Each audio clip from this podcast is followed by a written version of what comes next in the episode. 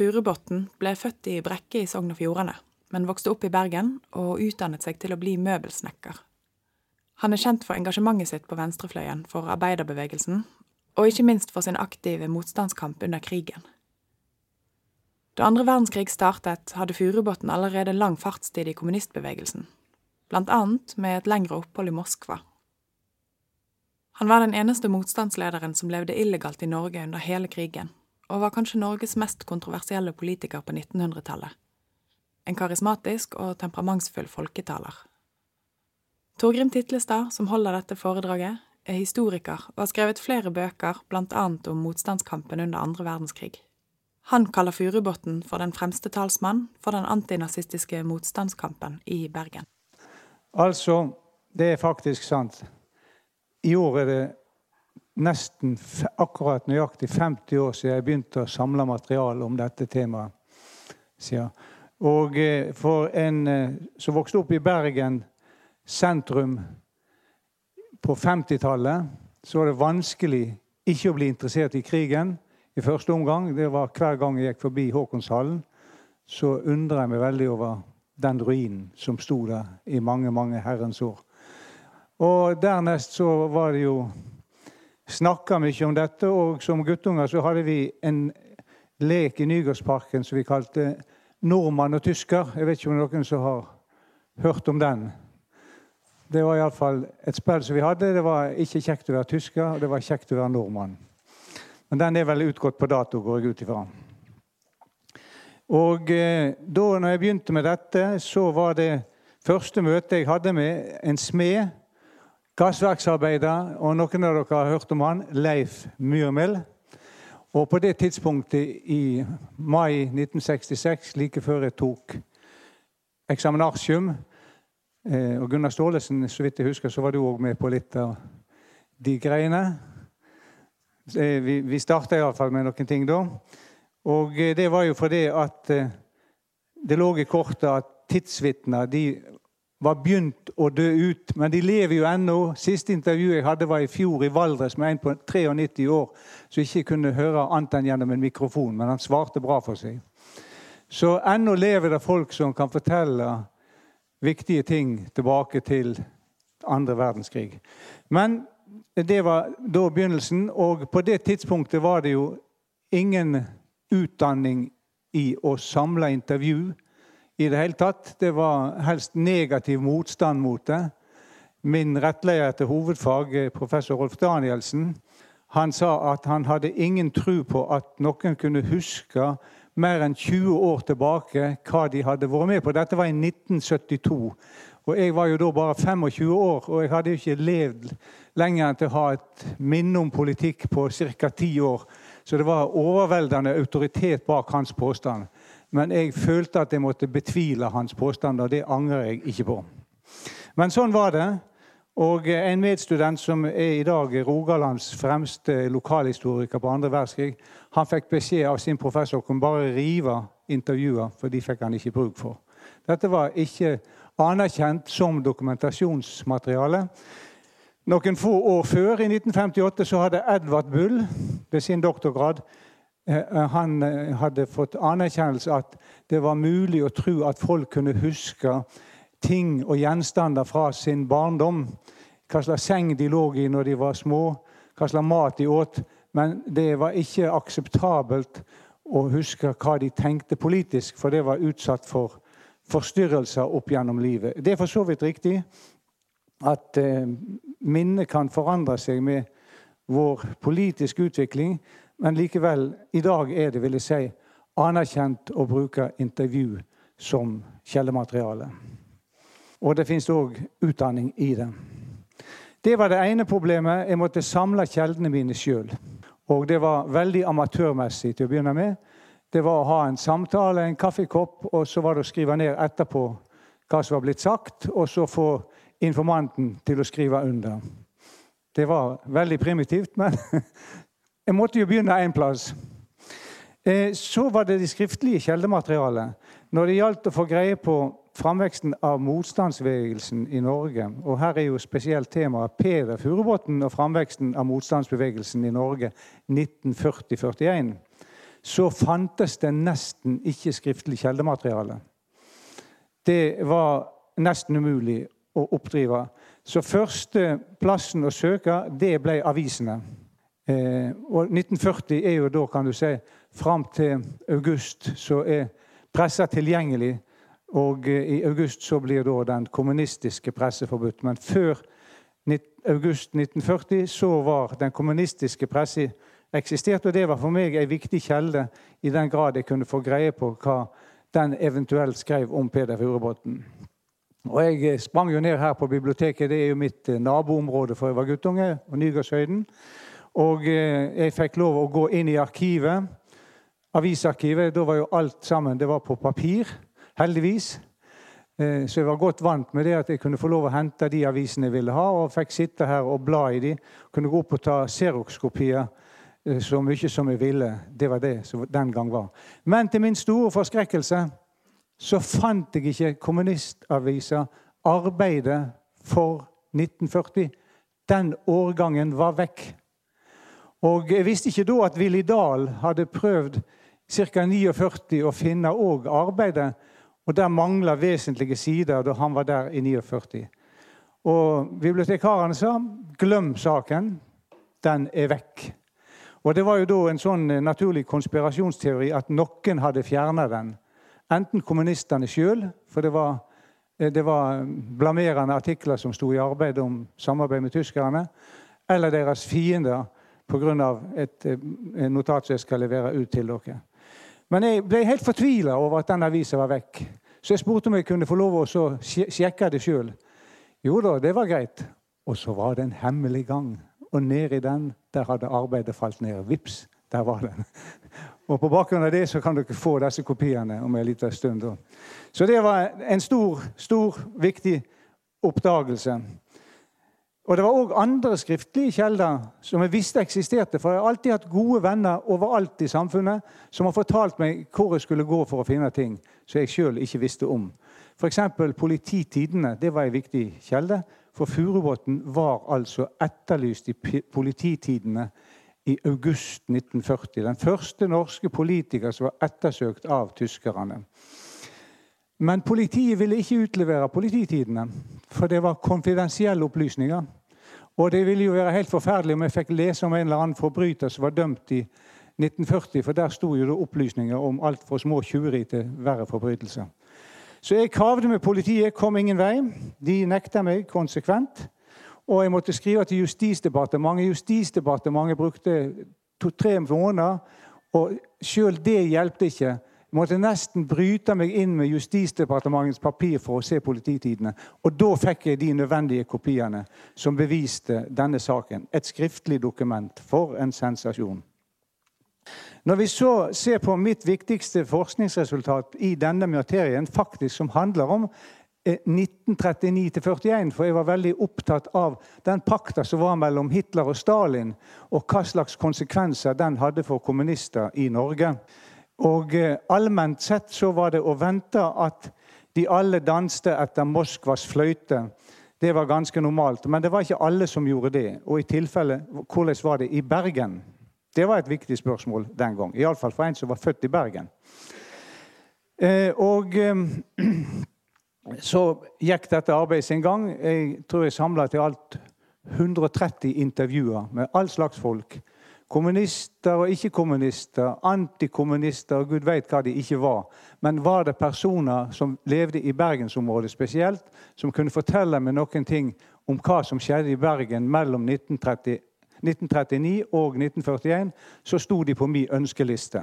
Og Det er et ganske stort materiale som jeg har fått skrevet av av de fleste lydbånd om de sakene der.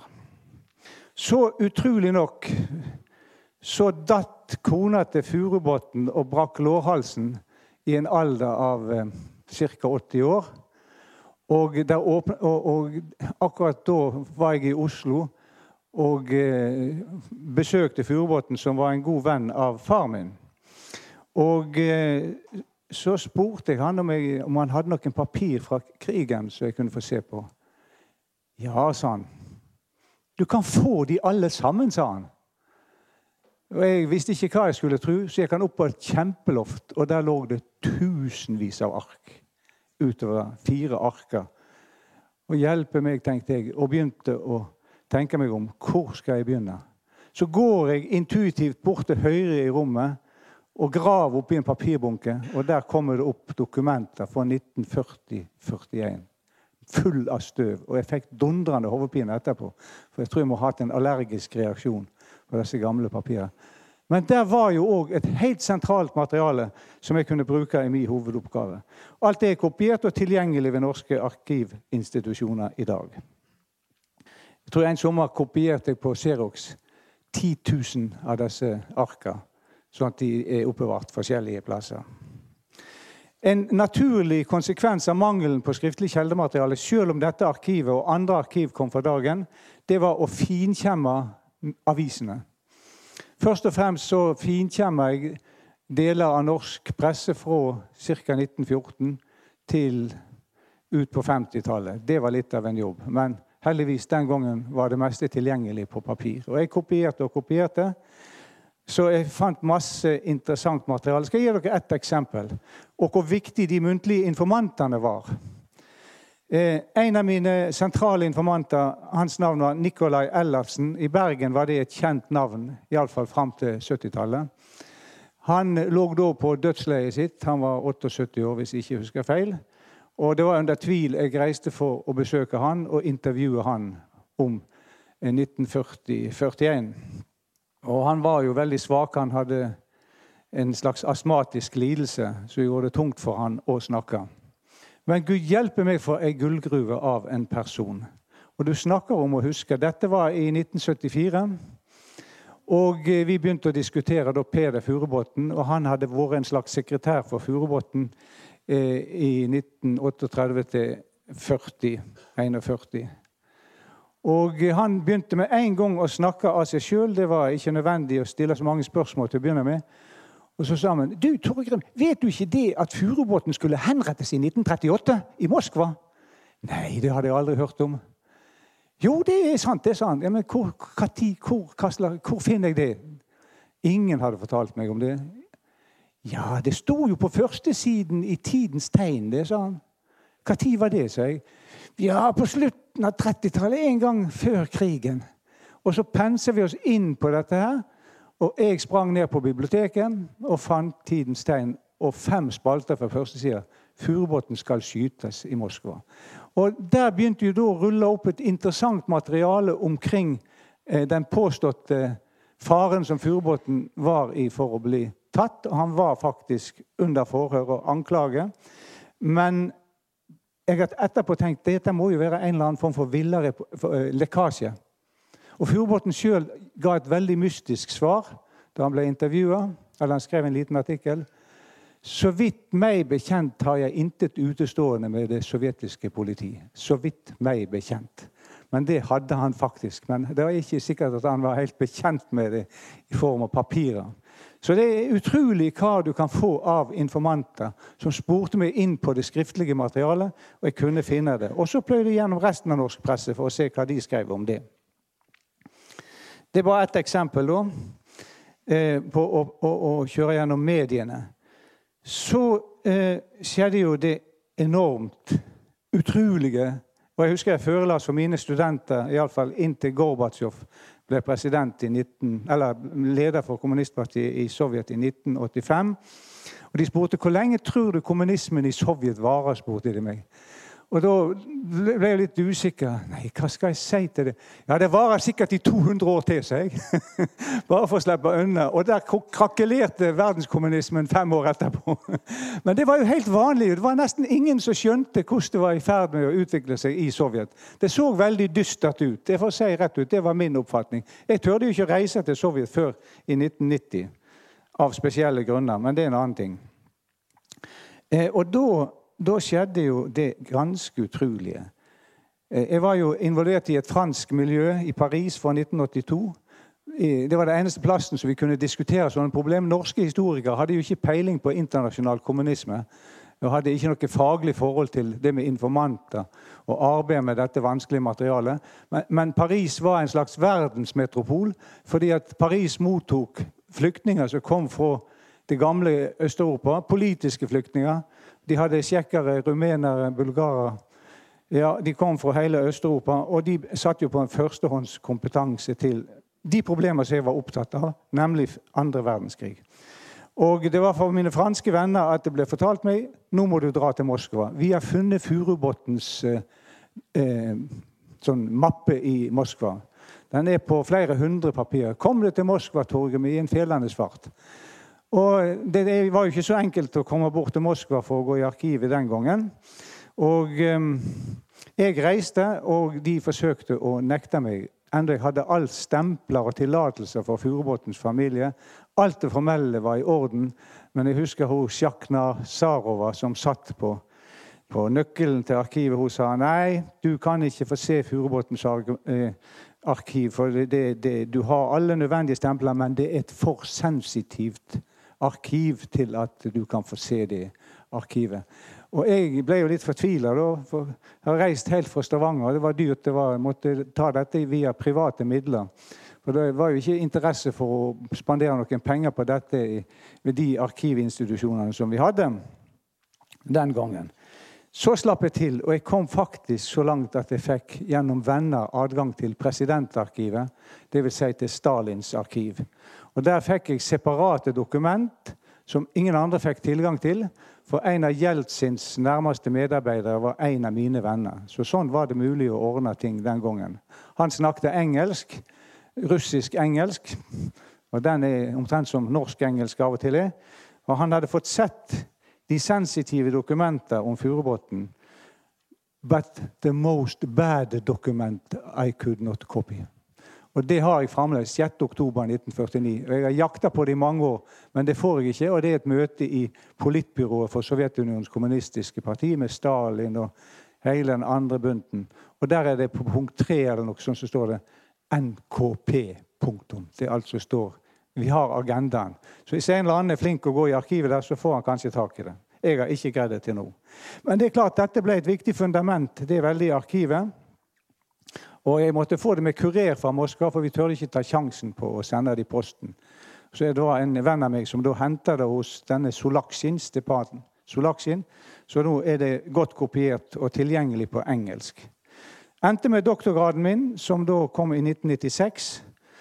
Og eh, da kan vi si det at en del tidligere kontroversielle fenomen ble opp og avgjort i diskusjonen om Furubotns rolle. Nå, eh, det store prosjektet som jeg holder på med nå på dette feltet, det er et filmprosjekt.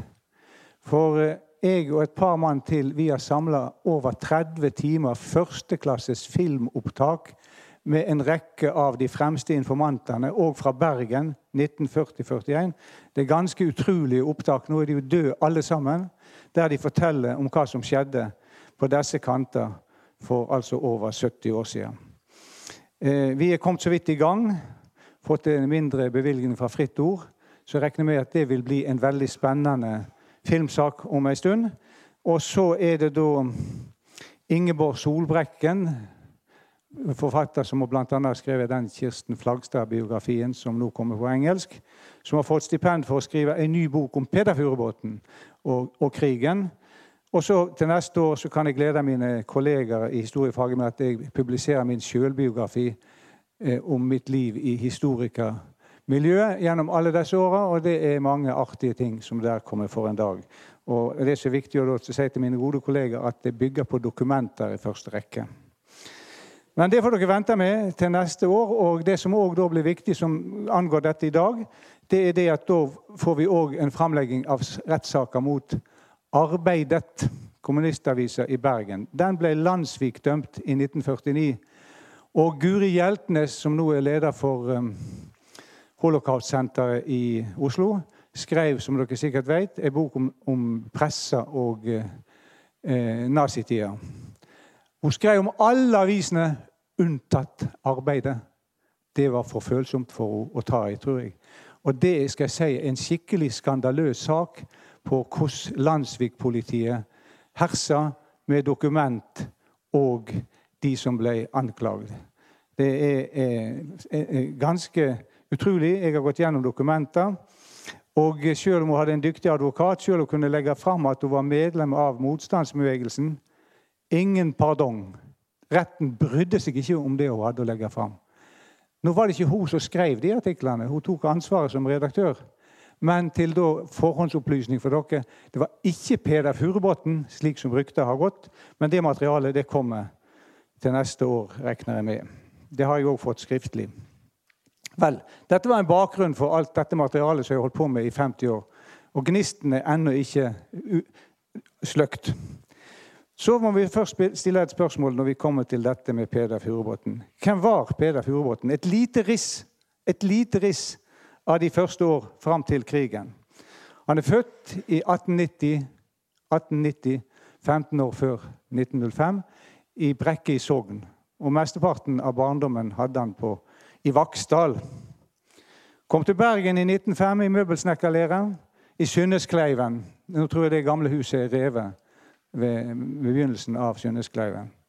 Der lærte han seg å bli møbelsnekker, og i, allerede i 1909 så ble han eh, sekretær for møbelsnekkeravdelinga, eller fagforeningen. Og eh, han debuterer for alvor i det politiske livet i Bergen omkring 1914-15, men for all del etter den russiske revolusjonen. Og Peder Furubotn ble en av de mest rødglødende revolusjonære aktivistene i bergensdistriktet. Og jeg har jo studert dette materialet ganske grundig. Og eh, Øyvind Åsmuld, jeg vet ikke om han er her i kveld, han skrev en tjukk hovedoppgave om bruddet i Bergens Arbeiderparti i 1923-24, der han går inn på det som skjedde. Og Det jeg, trygt, jeg tror vi trygt kan si i dag, det var at Furubotn trodde verdensrevolusjonen var nær. Og eh, de forberedte seg på revolusjonen. Og det siste ord i spørsmålet om revolusjon i Norge i 1917, om det er i Oslo eller Bergen, det er slett ikke sagt. Men det var et par prøver på, generalprøver på revolusjonen som vi hadde her i Bergen, eh, bl.a. på Salhus. Og eh, en fabrikkokkupasjon under en streik var planlagt til minste detalj. Og sånn kunne vi forestille oss at det kunne gått videre hvis det virkelig hadde blitt revolusjon i Norge. Og det kan jeg si dere, det var ikke langt unna. Det var i stor grad tilfeldigheter, tror jeg, som hindra at Norge kom ut i en forferdelig situasjon. Men revolusjonen var på Peder Furubotns program. Og eh, han, som så mange andre i arbeiderbevegelsen, om det var Einar Gerhardsen som smugla millionformue for Sovjet til de revolusjonære i England Dere bør forresten lese den nylig utkomne boka 'Einar Gerhardsens valg'. kom for noen uker siden, der det står en del om det der. Eller Martin Tranmæl. De trodde at nå var timen ganske nær. Furubotn kom så langt opp i det politiske nivået i arbeiderbevegelsen at han ble Einar Gerhardsens motkandidat i 1923. Og Gerhardsen slo ham med to stemmer. 90 mot 88. Så vi ser hvor nær det kunne vært skal vi si, viktige skillelinjer som gjort at norsk politikk i arbeiderbevegelsen kunne blitt annerledes på en eller annen måte gjennom det personvalget. Men Gerhardsen gikk av med seieren, og Furubotn Han ble da lederen i NKP fra 1925 til 1930. Og um, det var jo store motsetninger internt i NKP eh, hele veien. Men det som vi ser i Bergen, der var Arbeiderpartiet en liten altså det norske Arbeiderpartiet en liten del, mens kommunistpartiet de hadde betydelig større tilslutning i Bergen. Så Bergen var den røde by i Norge på det tidspunktet. Etter forholdsvis få år så ble Furubotn valgt inn i presidiet for Den kommunistiske internasjonale, som er ledelsen for verdensrevolusjonen, hvis vi kan si det på den måten. Der satt han i noen få år, til hans stjerne begynte å falle for alvor. Og Han ble kalt til Moskva i 1930.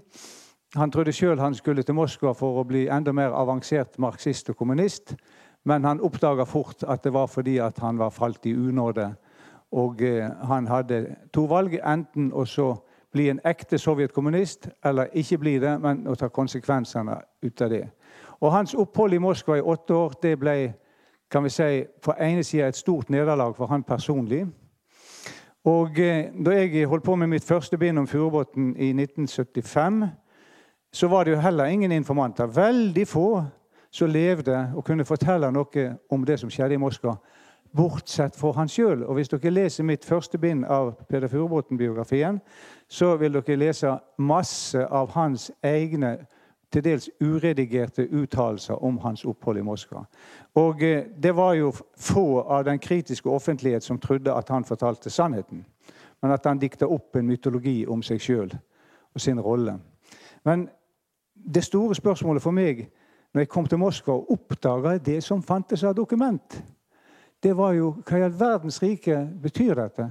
Og Før jeg reiste, hadde jeg fått beskjed at det fins mellom et lite antall dokumenter om furubåten NKP, og så en 200-300. Første dagen på arkivet 4000-5000 dokumenter, folkens. Hva skal du gjøre i en sånn situasjon? Det velter ut av hyllene. Og jeg følte meg litt stakkarslig, jeg må si det. Så jeg tenkte åh, hvor skal jeg begynne? Så kom Henry Aas på Stord. Noen som har hørt om Henry Aas. Han bodde i Moskvadalen og Leirvik var kjent, mest kjente kommunisten på Stord. Han hadde, jeg var og intervjua han den dagen da Sovjet invaderte Tsjekkoslovakia i august 1968. Og Da var vi ferdig med vår runde før det skjedde. Jeg kommer aldri til å glemme det. Men han hadde et veldig diffust minne, for han hadde gått på en skole i Moskva. Mange nordmenn, en god del nordmenn, nå det det kommet en doktoravhandling om det òg, de fikk politisk utdannelse i å bli gode sovjetkommunister i Sovjetunionen fra 1928 og utover på 30-tallet. Og Han hadde møtt Furubotn i Moskva på det han kalte Lenin-skolen. Og eh, Han sa det at eh, det eneste han husker, det var at det var, eh, var en omstridt person. og han var, han var, ikke helt akseptert av storeguttene i kommentaren, så han sa. Ja, når var det, sa jeg. Ja, jeg kan ikke huske skikkelig, sa han. Ja, så prater vi litt etterfram. Ja, jeg tror det var 1931. Så når jeg kom til Moskva, så ba jeg om å få registranten for Leninskolen i Moskva 1931. Bom. Mars 1931. Dokument etter dokument. Om Furubotn sin lønn, om hans tittel, lærer i det nasjonale spørsmål. Eh, en stor konflikt med komiteens ledelse og Furubotn i eh, utpå sommeren, der han nekta å bøye seg for den nye stalinske analyse av hvor kommunistene skulle vandre i verden. Og han fikk sparken på Lenin-skolen mot to-tre stemmer. 20-30 stemmer imot og to-tre imot for han. Og eh, så enda mer så kom det et stenografisk referat på 200-300 sider om oppgjøret med Furubotn. Og jeg tenkte Gud hjelpe meg. Hvorfor har han aldri fortalt om dette? Dette er jo til hans store fordel. Men Furubotn hadde ett problem i Moskva. Han var periodedranker. Jeg tror det holdt han tilbake for å eh, fortelle alt han kunne ha fortalt. Men resultatet av de studiene som vi kunne foreta i alle disse dokumenter, det var at Furubotns troverdighet som informant steg. Jeg kunne ikke ta han i én feil opplysning i det han hadde opplyst i intervju inntil 1974. Dette var i 1992 jeg kom inn i arkivet i Moskva. Så det var for meg uhyre spennende å se at, eh, at hans troverdighet var såpass høy. Og når Lars Borgersrud i denne boka 'Sabotører i vest', der han er opptatt av denne perioden, lager et merkelig bilde av Furubotn. At det er en myte som han og jeg har skapt av han som en avviker i, i kommunistbevegelsen. Har ikke har ikke Borgersrud lest min doktoravhandling der jeg viser til disse dokumenter? Hvorfor i all verdens rike bruker han ikke den faktiske eh, informasjonen ut fra et slags kontradiksjonsprinsipp og så diskuterer om det kan være sant eller ikke sant? Nei, han bare påstår at det er en myte. Sånn kan ikke en person med doktorgraden i ryggen si uten å belegge eller problematisere det. Men ok, det får så være. Jeg syns det forteller mer om om Borgersrud sin måte å bruke dokument på enn de faktiske forhold han kunne få tak i. La det så være. Furubotn var i stor, store konflikter i Moskva, politiske konflikter, og han var en hårsbredd for å bli henrettet. Der er det òg en del materiale om det, men jeg kan ikke si så mye om det nå. Og Det var så vidt han slapp ut av Sovjet. Første brevet han søkte om å reise ut av Moskva, var i 1934. Det ble avslått etter behandling i sentralkomiteen for Norges kommunistiske parti. De ville ikke ha han tilbake til Norge. Det svaret som jeg fikk når jeg spurte en da på 70-tallet, var de, de han var i fyllebøtte. De ville ikke ha han tilbake, for han var i fyllebøtte. Det var, det var forklaringa. Men det var nok ikke forklaringa. For da han fikk lov å reise tilbake i 1938, så står det i brevet fra presidiet i Komintern, øverste ledelse, at han får slippe tilbake til Norge på én betingelse, at partiet holder han i, i ei fast hånd. Det Var, sannsynligvis var han påpasset når han kom tilbake. Dere må være klar over det. NKP var penetrert av sovjetagenter. Og Hvis dere kommer til Moskva og får se disse dokumentene, så er det utrolig hva det finnes av detaljer. F.eks. om kommunistene i Odda og Sauda. Hvem som drakk, hvem som var utro, og hvem som ikke gjorde det. Dette, dette, jeg har ikke kopi av alle de sakene, men det ligger i Moskva.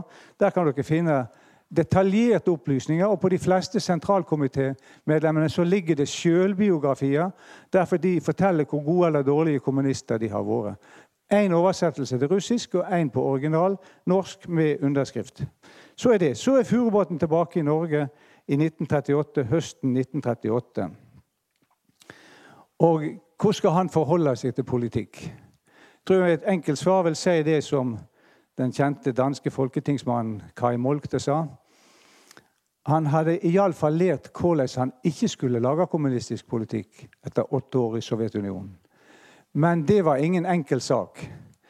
Og eh, Anledningen bød seg i 1939 under den store oppmarsjen 'Vi vil verge vårt land mot fascismen'. Dere har kanskje hørt om den oppmarsjen.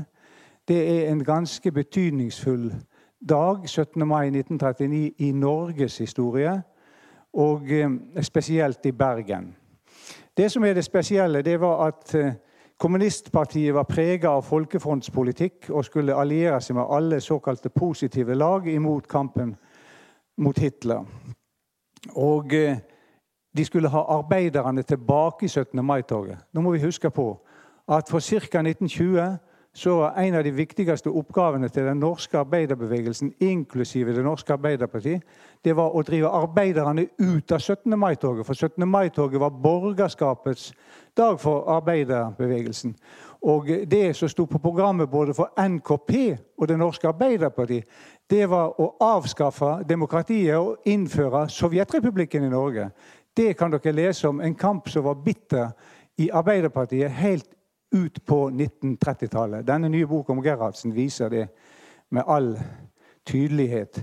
Og eh, Sentralt i dette det var det at når Nygaardsvold kom til regjeringa for arbeiderbevegelsen Arbeiderpartiet i 1935, så begynte Arbeiderpartiet forsiktig å legge om sine paroler til å være med på 17. mai igjen. Men i Bergen gikk de ekstra langt. Og eh, det var et spesielt samarbeid på initiativ av Furubotn sammen med Nils Langhelle i Arbeiderpartiet. Og Det var en liten eliteklikk i Ap og NKP som drev dette fram.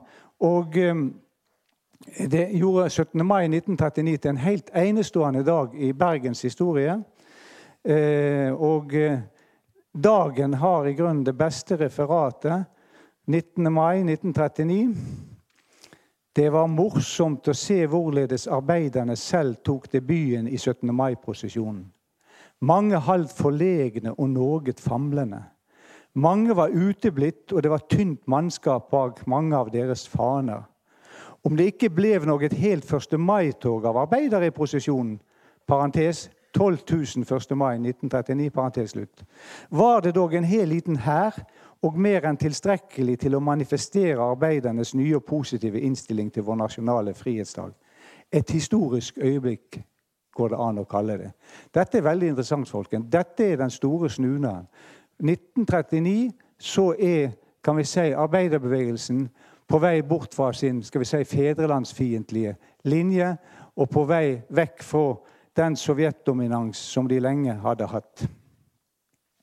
Og I Bergen ble dette ekstra vellykka. For Furubotn var det en stor, stor suksess. Og spesielt det forholdet som var utvikla til Nils Langhelle, var viktig for motstandsbevegelsen. Men imellom 17. mai 1939 og 9. april 1940 så ligger det noen få måneder av uhyre dramatisk betydning, nemlig den sovjettyske pakt fra august 1939. Den kom som en kalddusj på alle men naturligvis først og fremst på kommunistene. For hva i all verdens rike skulle de gjøre? Her hadde de anstrengt for seg for å kjempe mot fascismen. De hadde arrangert 17. mai, de hadde gått imot sine egne skal vi si, antinasjonale instinkter, gått inn igjen i 17. mai-taket. Og så, noen knapt par måneder etterpå, så proklamerer Sovjet at nei, kampen mot fascismen den er nå over. Nå skal alle kommunister bekjempe England og Frankrike. Dette er en imperialistisk krig. Det er de imperialistiske maktene som kriger. Det er ikke i vår interesse. Og Dere kjenner sikkert til mer av de detaljene av det som skjer. Dette var skikkelig, skikkelig alliansepolitikk mellom Stalin og Hitler, der Stalin var den som var villig til å yte mest. Men internt i kommunistpartiet så skapte det over hele Europa en protestbølge i første omgang, men så tilpasser man seg. Og Det som er interessant i Bergen, det er det at det var et kjempemøte i Bergen i september 1939 der Furubotn skulle snakke om krigen. Og han var, som det var vanlig òg for dissidentkommunister. Han hyller naturligvis Sovjet og freden og alle de der klisjeene som vi kjenner så godt. Så, og han sier dette er en imperialistisk krig, sier han. Og så siterer han Lenin for 1917, der Lenin sier ja, eh, en imperialistisk krig sett fra de imperialistiske makter er uten interesse for arbeiderne og imot arbeidernes interesser. Men for de, de nasjoner som blir angrepet av en imperialistisk stat, er det en nasjonal frihetskrig. Og så skulle resten av foredraget komme neste uke i arbeidet. Kom det ikke mer. Det som skjedde, det var det at hans ord virka så provoserende på kommunistpartiets ledelse, og sikkert i Moskva, sånn at det ble en oppvask med Furubotn i desember 1939 fordi at han var blitt nasjonalist, borgerlig nasjonalist. For en kommunist kunne ikke hevde slike teorier. Dette er bare et lite innblikk inn i hvor sovjetpreget sovjetprega kommunistpartiet var. Så kommer altså 9. april 1940. Og nå er vi inne i den aktuelle perioden.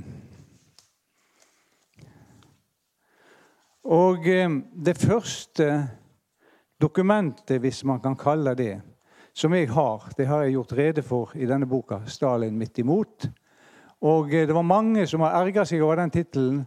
Her er et bilde av Stalin som hilser på Ribbentrop, von Ribbentrop, den tyske utenriksminister. Og så har vi et utdrag av etterlysningen av Furubotn i Norsk Polititidene i 1940.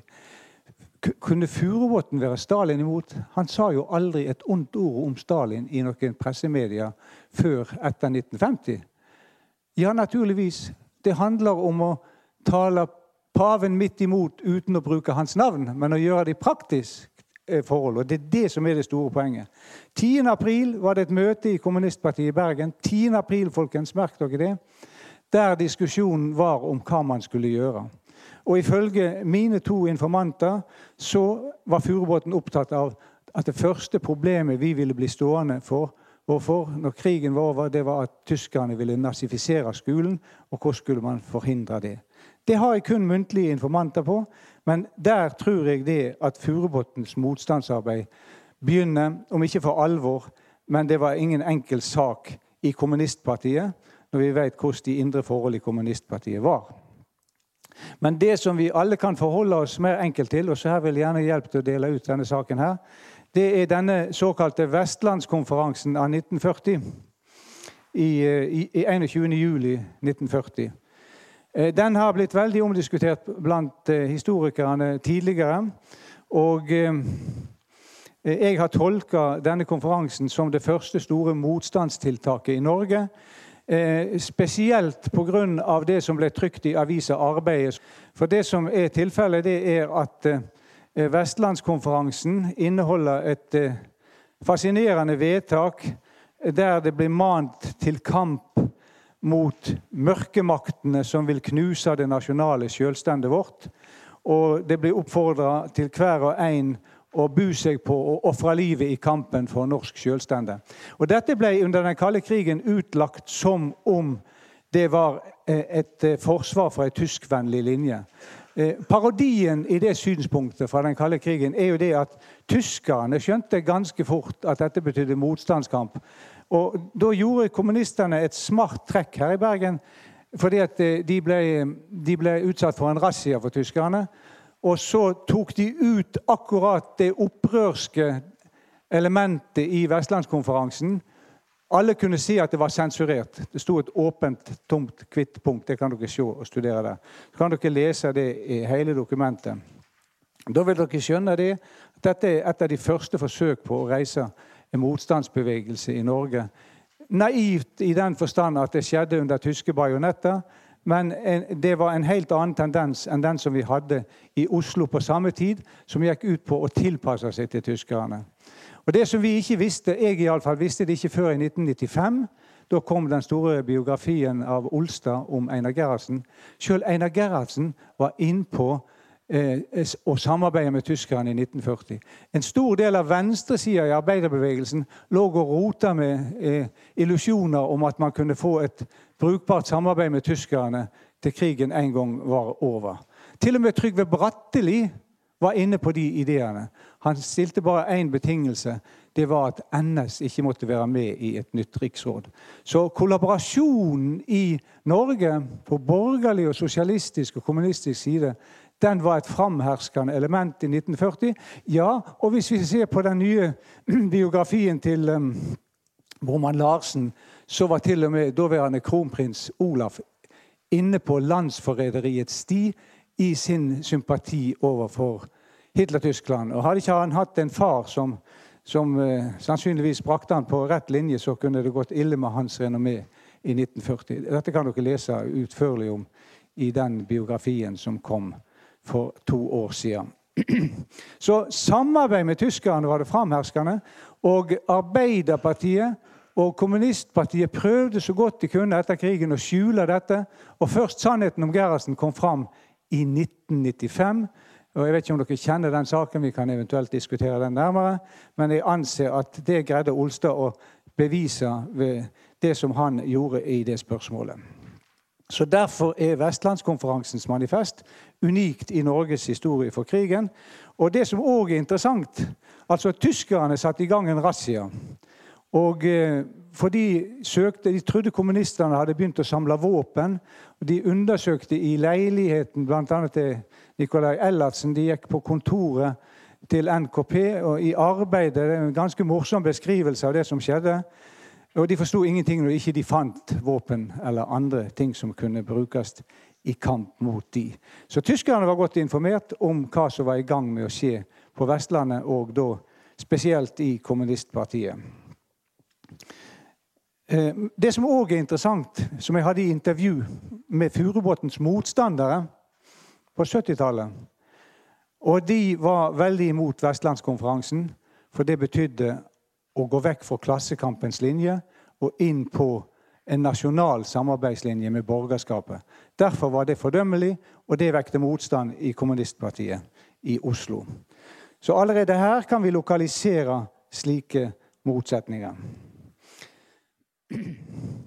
Så la oss oppsummere. Politikerne i Norge derfor, de var over en lav sko. Venstre, høyre spilte nesten ingen rolle. Naturligvis det er nyanser i dette, men i store trekk, hvis vi analyserer Stortinget og går ut fra situasjonen der, så ser vi at det var veldig mange som var for samarbeid med Hitler-Tyskland og trodde det kunne løse våre problemer. Og eh, han, eh, Bormann Larsen går så langt som å sa at det var alminnelig. Altså hele Norge var på den linja. Men det var ikke sånn i Bergen, folkens.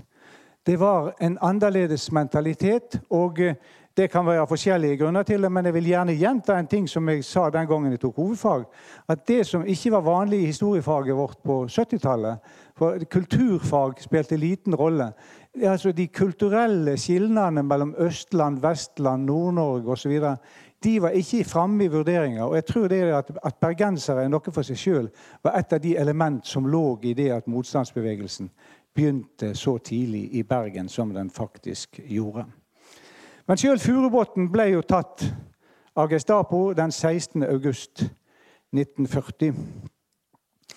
Og han var til forhør og greide å forhandle seg fram til å komme i husarrest. Og dette var jo et stort mysterium lenge. Hvordan greide han som den eneste kommunist i Bergen å komme seg ut av Gestapos klør? Han har sjøl fortalt, og med krav på troverdighet, tror jeg, at forklaringa er veldig enkel. Han hadde flaks. Han var overvåka for han ble henta inn til Gestapohuset til han gikk ut av Gestapohuset. Men ifølge han så kom det tilfeldigvis en drosje forbi da han gikk ut i veiten. Og han praia den, gikk inn i drosjen, og så var han vekk. Så han hadde utrolig flaks. Og eh, den historien kan jeg ikke gjenfortelle. Det er litt av et drama hvordan han kommer seg unna. Jeg bare sier det sånn i all andektighets navn. Den avtalen han hadde med sin nære medarbeider hvis noe sånt skulle skje Han var jo ikke helt uforberedt på det. De skulle møtes på Kafé Børsen. Der kunne de sitte uforstyrra uten å vekke oppmerksomhet. Og så kunne de gå videre. Han kom seg unna, og så begynner en spennende periode som jeg har prøvd å beskrive i denne boka, og som blir enda mer tydelig når vi nå får disse filmopptakene tilgjengelige. Hvordan Gestapo driver klappjakt på Furubotn i Bergen inntil han kommer seg ut av byen eh, i slutten av året og kunne fortelle mange artige historier, og en del av de lever sikkert på folkemunne. Men den beste historien det er for en som heter Henry Trondheim. For når Furubotn hadde en stab rundt seg av folk, og jeg har ofte lurt på hvordan han greide å ha den stabben. Han hadde, hadde ja, fire, fem, seks personer som jobba for han. Og um, Som altså var ute av vanlig arbeid. Og um, Henrik Thornheim han var da, og, for Når Furubotn hadde sluppet unna, så sendte han en mann for å se tyskerne hvor, hvordan de arbeidet der han hadde bodd, og forskjellige ting som han kunne snappe opp. da. Så så han at det sto en flokk utenfor et av husene der Furubotn hadde bodd, og hadde flykta like før. For der sto det flere folk og kikket og prata. Kommer Trondheimen han kommer bort til ei gammel dame der.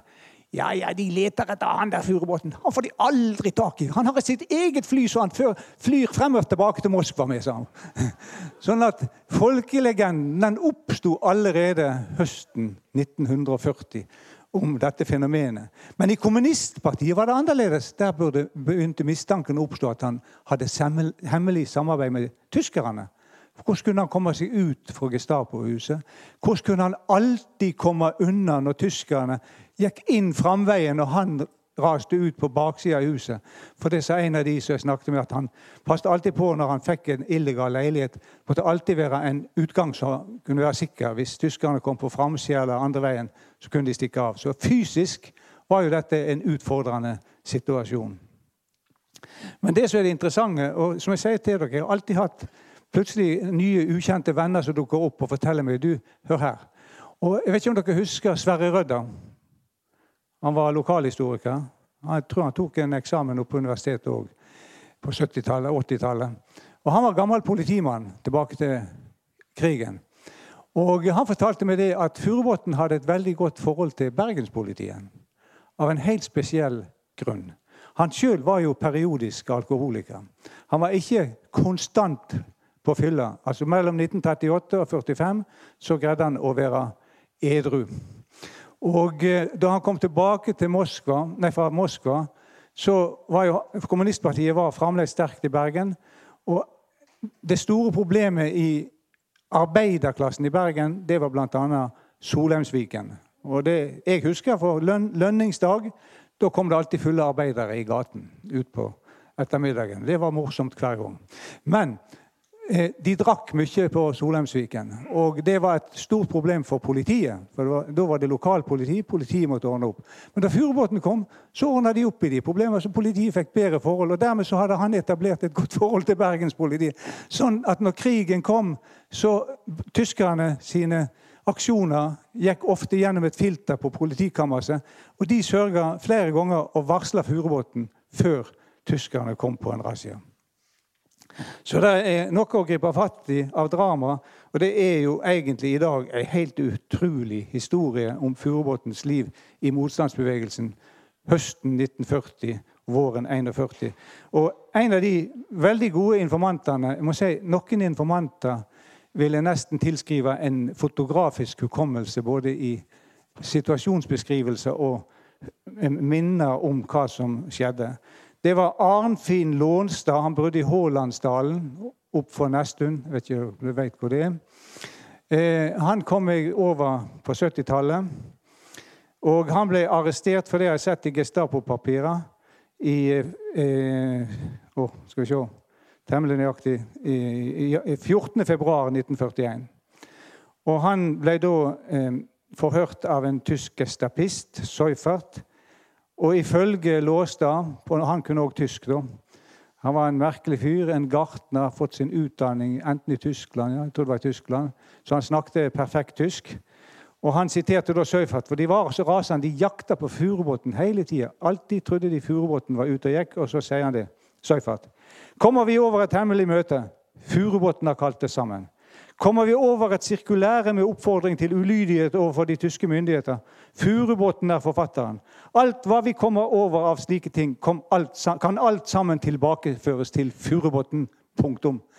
Det var det inntrykket Gestapo skapte når det gjelder illegalt motstandsarbeid. Nå ser jeg bort ifra agentarbeid fra England, fra engelsk side, eller fra den norske regjering, og òg for det arbeidet som Vollweber-gruppa begynte på og allerede var begynt med flere år før. Jeg synes Det er veldig viktig, og det er en av de store manglene ved Borgersrud sitt arbeid om Vollweber-gruppa. Det er helt utrolig at han ikke har problematisert Vollweber-gruppa eh, sin rolle. For Vollweber-gruppa var bare i navnet et antifascistisk organ.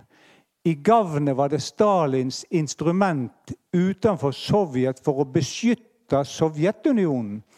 Det skulle saboteres og senke skip, for de venta en imperialistisk eh, invasjon fra vest. Det var jobben til Asbjørn Sunde og den gjengen. Det var å beskytte Sovjetunionen. Så de jobbet på ordre fra Sovjet og ut fra sovjetiske interesser. Det er en veldig viktig skilnad mellom disse ulike fraksjonene. Og Dette kommer for så vidt til uttrykk når vi kom ut på våren 1941. Da greide Furubotn å komme seg ut av Bergen. Han sa sjøl noe sånt som det at det som var problemet for meg med å bo illegalt i Bergen, det var de kommunistiske husmødrene.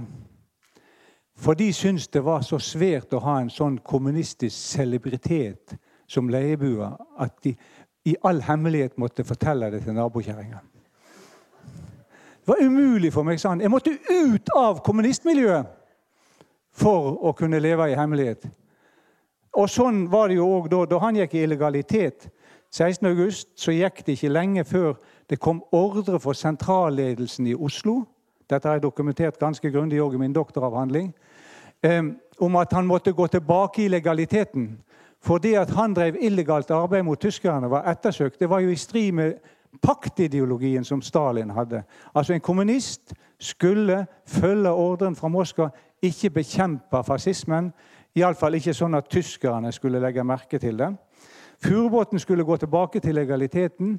Og Gestapo arbeidet jo med en del kommunister som en fortalte meg at kommunistene var sett på som parteigenossen Sveiterklasse. Så langt gikk tilnærminga mellom Stalin-kommunismen og Hitler-fascismen høsten 1940.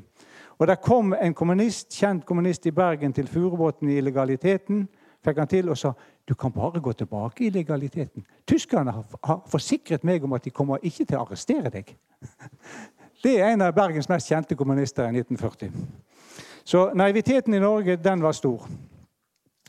Og Poenget er det at det ble en indre kamp i NKP mellom Furubotn og Oslo-ledelsen, og jeg er sikker på at den sto i nær forbindelse med Moskva. For husk på det at Sovjet hadde sin egen legasjon i Oslo til 22.6.1941. Og en av de som jobbet i den sovjetiske legasjonen, var Strand Johansen, som var en av lederne i kommunistpartiet. Dette fikk alvorlige følger for Furubotn. For han begynte faktisk å komme i et ideologisk oppbrudd. Og eh, Det er alltid interessant å så undre seg over hva får et menneske til å skifte politiske holdninger. Og Gjennom et langt liv har jeg funnet ut at det er ikke at jeg leser ei bok der det står et overbevisende argument med et godt belegg. Men jeg tror at hemmeligheten snarere ligger i det at når du kommer inn i en forventningskrise til den ideologien eller det partiet du støtter, så begynner du å tenke på hvorfor er jeg blitt skal vi si, lurt, eller hvorfor blir jeg skuffa? Og da, endrer du et standpunkt. Og for Furubotn så hadde han altså først åtte år stalinistisk kur i Moskva. Og så at det var ingen plass for selvstendig kommunistisk handling. Det var det ikke. Prøv å vise meg det. Så kommer han tilbake til Norge. Krigen kommer. Landet er i djup krise. Og det blir ulovlig for en kommunist å drive aktivt motstandsarbeid. Det er kommunistpartiets sentrale parole. Og eh, Det betyr at han kommer inn i et ideologisk oppbrudd. Jeg har skrevet litt om det her. Jeg skal ikke overdrive det for mye, men vi ser det veldig tydelig først og fremst i Vestlandskonferansens manifest, der altså han går inn for motstandskamp samtidig som han sier 'ned med den imperialistiske krig'. Ikke sant? Ennå ser vi han henge fast i en del av den gamle ideologien. Det må legitimeres ut ifra Lenin, så å si. Og så endrer det seg radikalt ut gjennom krigen. Men det, det som òg driver han, tror jeg, det er at internt i NKP så hadde trua på verdensrevolusjonen fått en oppblomstring etter at pakta kom med Hitler. For den, og dette har jeg hørt av flere kommunister. Eh, og hvis du gikk oppe ute med Rottaugen skole, der oppe var det mange kommunister. Hvis du gikk der, som Leif Myhrmel sa til meg, i åttetida om kvelden, så kunne du høre, mens folk hadde lov å ha radio i 1940, så sto alltid Moskva radio på. Der var det norsk sending. Så alle gode bergenskommunister lytta på Moskva radio på det tidspunktet. Og de furniserte da revolusjonstrua at den, nå, den nye imperialistiske krigen ville føre til verdensrevolusjon. Og kommunistene de skulle holde seg i ro til dette ble aktuelt. Og eh, hvis dere ikke vil tro på det, så har jo jeg trykt i min bok et dokument som aldri har blitt kommentert av noen. Jeg tenker ikke først og fremst på historikere, men det må jo være interessant for venstresida. Furubotn fikk nemlig et skriv fra Oslo i eh, sommeren 1941 der det står vi må være forberedt på snart å ta makten i Norge. Og så står det nesten uleselig nede på arket 'skal brennes efter lesning'. Furubotn brente det ikke, han tok det vare på det. Jeg fikk tak i det i 1974 og har trykt det. Sånn at Hvis dere går inn i disse papirene og trenger gjennom all retorikk og propaganda, så ser dere at dette var den linje som var. Og den gikk til og med så langt når motstandskampen begynte for alvor etter 1941, 22.6. Så var det ordre fra Moskva alle ledende kommunister skulle helst holde seg i passivitet og ro til krigen var over. Så den heltemodige kommunistiske motstandsinnsatsen har to sider. Den har på den ene side, hvis vi går til den ene ekstremitet, Peder Furubotns motstandslinje, og på den andre side den prosovjetiske holdning, at vi følger Sovjet så langt som det går. Og Furubotn kritiserte dette skrivet nord og ned, og det har vi òg kopi av hans brev. Og Det førte jo til at Furubotn ble den første norske politiker når kom til høsten 1941 som tilkjennegir lojalitet til Nygaardsvolds regjering som Norges legitime regjering.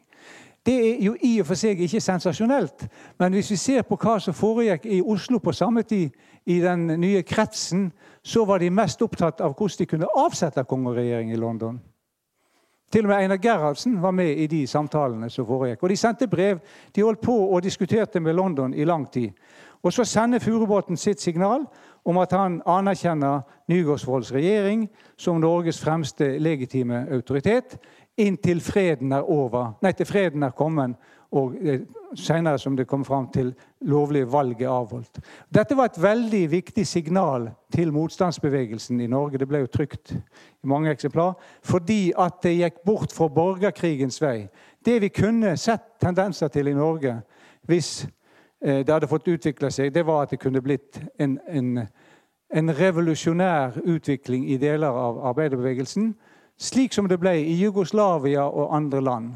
Men det som var en medvirkende faktor til at slike ting ikke skjedde i Norge, det var at Norge av Stalin fra høsten 1941 senest ble akseptert som vestlig interessesfære.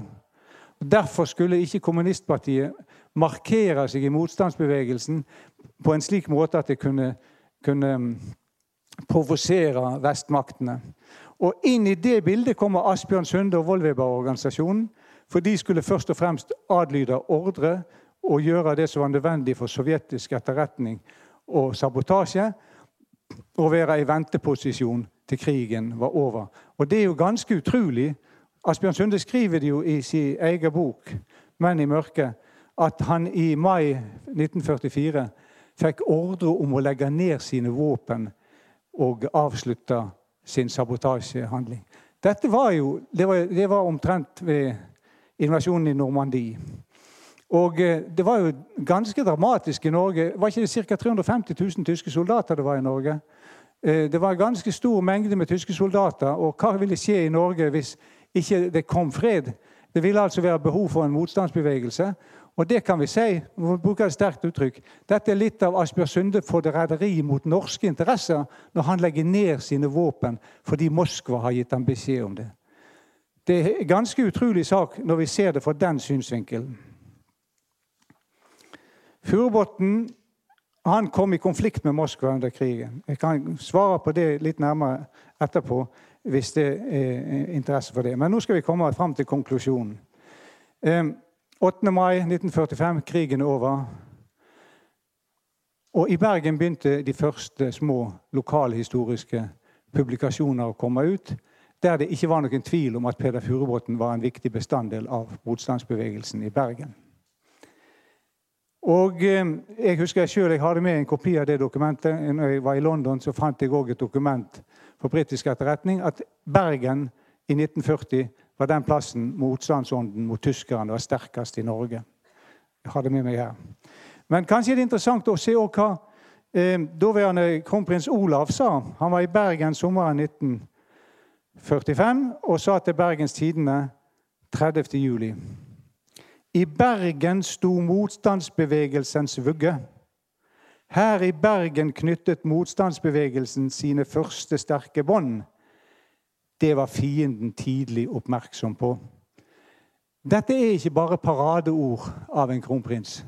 Han ville aldri tørt å si det hvis ikke det var en dekning for det. Og Jeg har ikke funnet eksempel på han har gjentatt dette ti ganger ellers i Norge som en eller annen person jeg snakket med, det har han sikkert sagt. Nei, sånn er det.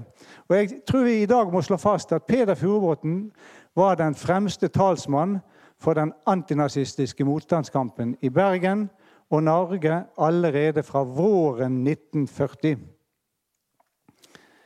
Og dette interessant nok, har kommet fram gjennom en rekke verker i grunnen i de senere år. Og Kanskje den viktigste i de nasjonale oversiktsverk er professor Even Lange eh, sitt eh, vestlige kommentarfelt i bind 11 av eh, Aschehougs eh, norgeshistorie fra 1998. Sitat.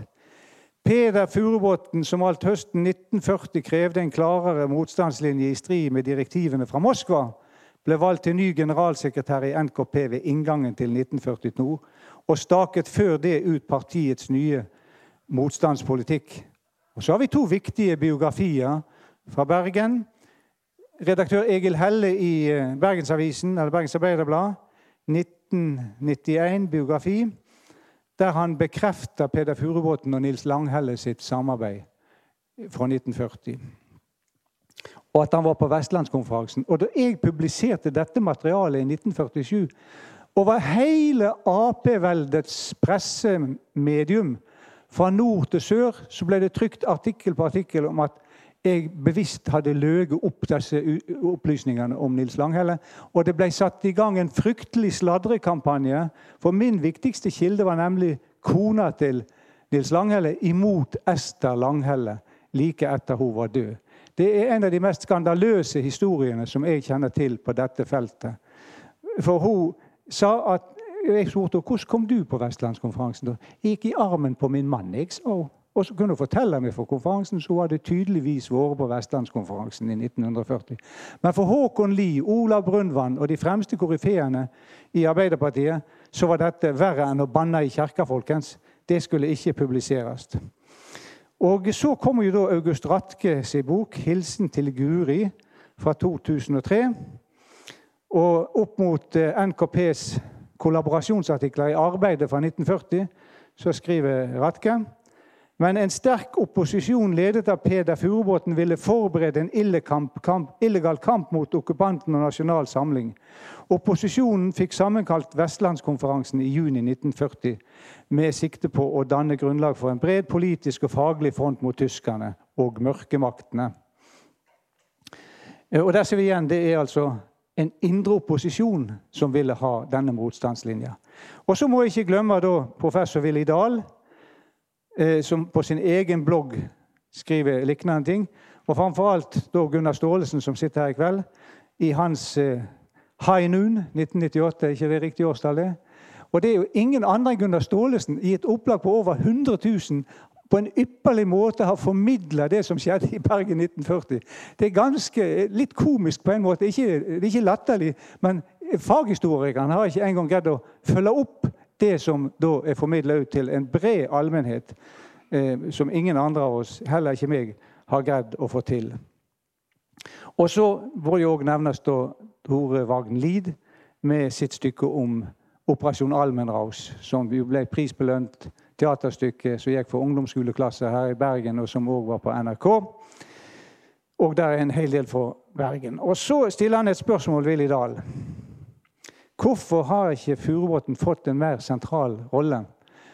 Spesielt i Bergen, da han ikke er omtalt i Bergens historie med én linje.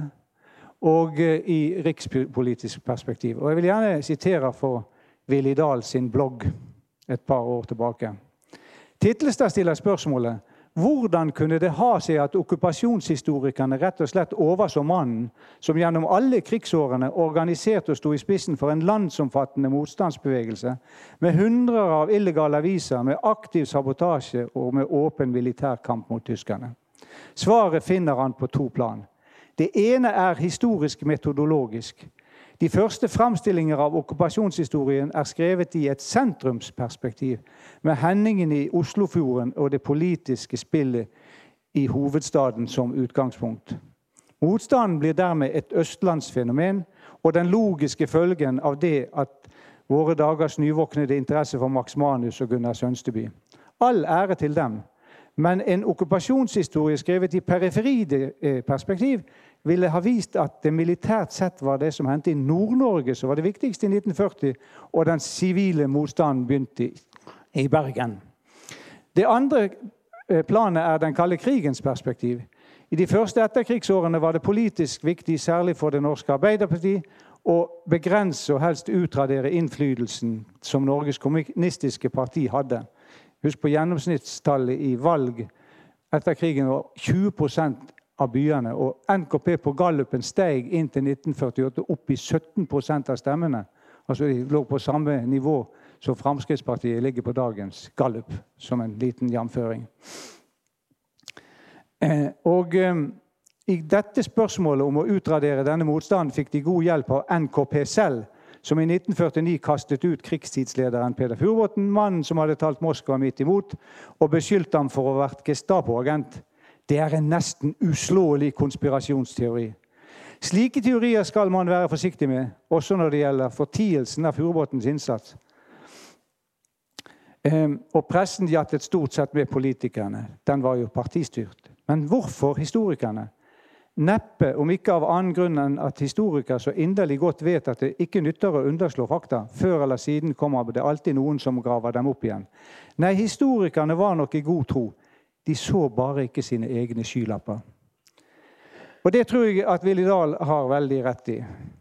Det, men nå er det på tide at vi prøver å rydde vekk restene av disse skylappene og Det er viktig å forklare hvordan slike overgrep som er gjort mot Peder Furubotns rolle i norsk historie, er gjort. Det er jo et overgrep ikke kun mot Peder Furubotn, men mot alle bergensere som har interesse av sin historie, og overfor oss nordmenn generelt sett. Så her er det enda mye igjen å gjøre. Og eh, Kanskje det er tid for å reise et monument over Peder Furubotn i Bergen. Det syns jeg han fortjener. For det som er viktig med et monument, det er sånne ting som jeg aldri har brydd meg om før. Men jeg har forstått det sånn at et monument det er et stumt vitne om noe som har skjedd i vår kollektive erindring en gang. Og det er ting vi ikke glemmer så lett hvis det finnes et monument. Og nå har i lang nok tid, 70 år, Peder Furubotn så å si vært utelatt av Bergens historie. Bergens eh, offentlige bibliotek kan ha en utstilling av bilder, bøker etc. som omfatter eh, Peder Furubotn. Og ikke minst så har jeg en liten idé. Kanskje kan ha noe for seg. Lag ei turistløype i Peder Furubotns fotspor. Takk for oppmerksomheten. Peder Furubotns fotspor i Bergen, først og fremst. Du har lyttet til en podkast fra Bergen offentlige bibliotek. Har du lyst til å følge med på utgivelsene våre, kan du søke opp Bobcast i iTunes eller i podkastappen din, og abonnere på oss der.